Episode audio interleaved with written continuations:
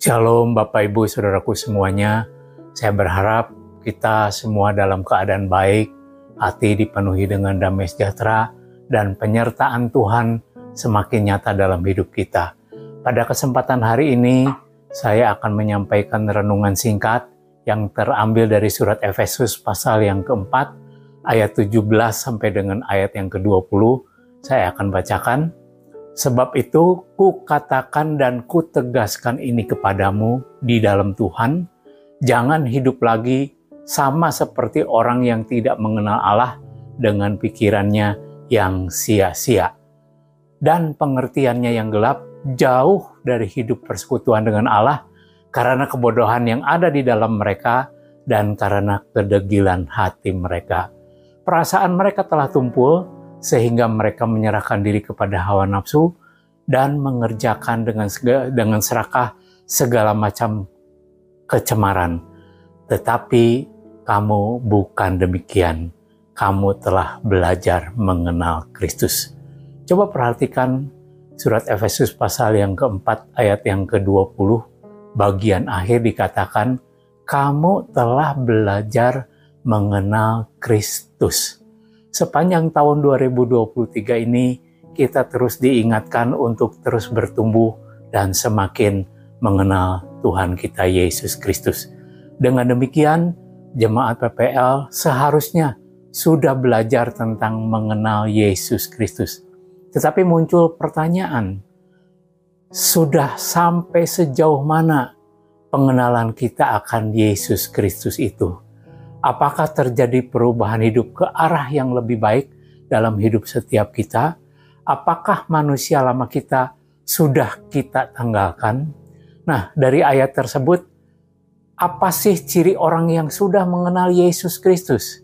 Dari Efesus 4 ayat 17 sampai 19 ada beberapa ada beberapa ciri orang yang hidupnya sudah mengenal Yesus Kristus.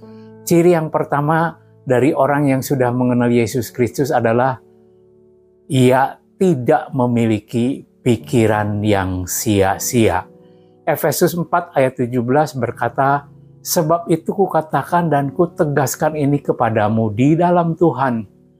Jangan hidup lagi sama seperti orang yang tidak mengenal Allah dengan pikirannya yang sia-sia.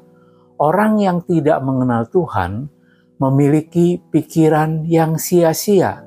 Kita sebagai orang yang sudah mengenal Tuhan, jangan lagi mempunyai pikiran yang sia-sia. Kita perlu ingat bahwa pikiran itu akan menentukan sikap, dan sikap itu akan menentukan tindakan. Tindakan yang kita ambil akhirnya akan menentukan hasil yang kita capai. Apabila pikiran dimulai dengan kesia-siaan, maka hasilnya juga akan sia-sia. Mari kita isi hidup ini dengan pikiran yang bermanfaat, jauhkan diri daripada pikiran negatif, jauhkan diri daripada pikiran khawatir, pikiran yang diisi dengan ketakutan. Nah, kemudian ciri yang kedua orang yang sudah mengenal Yesus Kristus di dalam Efesus pasal yang keempat ayat yang ke-18 dikatakan demikian. Dan pengertiannya yang gelap, jauh dari hidup persekutuan dengan Allah karena kebodohan yang ada di dalam mereka dan karena kedegilan hati mereka. Orang yang tidak mengenal Tuhan, pikirannya gelap karena hidupnya jauh dari Allah. Tetapi orang yang sudah mengenal Tuhan memiliki pengertian yang diterangi oleh Allah. Karena orang itu bersatu dengan Allah sehingga hatinya menjadi mudah dibentuk Mari kita isi hidup ini dengan pikiran yang diterangi firman Tuhan, sehingga Tuhan Yesus Kristus nampak dalam hidup kita. Jauhkan diri dari perbuatan dosa, sehingga hidup kita diisi dengan hal-hal yang baru yang meninggikan nama Tuhan. Kemudian ciri yang ketiga orang yang sudah mengenal Yesus Kristus adalah hidupnya tidak dikuasai oleh hawa nafsu dan menjalaninya di dalam kekudusan. Efesus 4 ayat yang ke-19 berkata demikian, perasaan mereka telah tumpul sehingga mereka menyerahkan diri kepada hawa nafsu dan mengerjakan dengan serakah segala macam kecemaran. Nah, Bapak, Ibu, dan saudaraku semuanya, orang yang tidak mengenal Tuhan, hidupnya dikuasai oleh hawa nafsu, hidupnya dipenuhi dengan kecemaran. Sebagai orang yang sudah mengenal Tuhan, hidup itu jangan diisi dengan apa yang saya mau, tetapi jalani hidup dengan apa yang Tuhan mau. Tuhan Yesus berkata, "Berbahagialah orang yang suci hatinya, karena mereka akan melihat Allah." Hanya orang yang suci hatinya yang akan melihat karya Allah di dalam hidupnya. Tanpa kekudusan, tidak seorang pun dapat melihat karya Allah.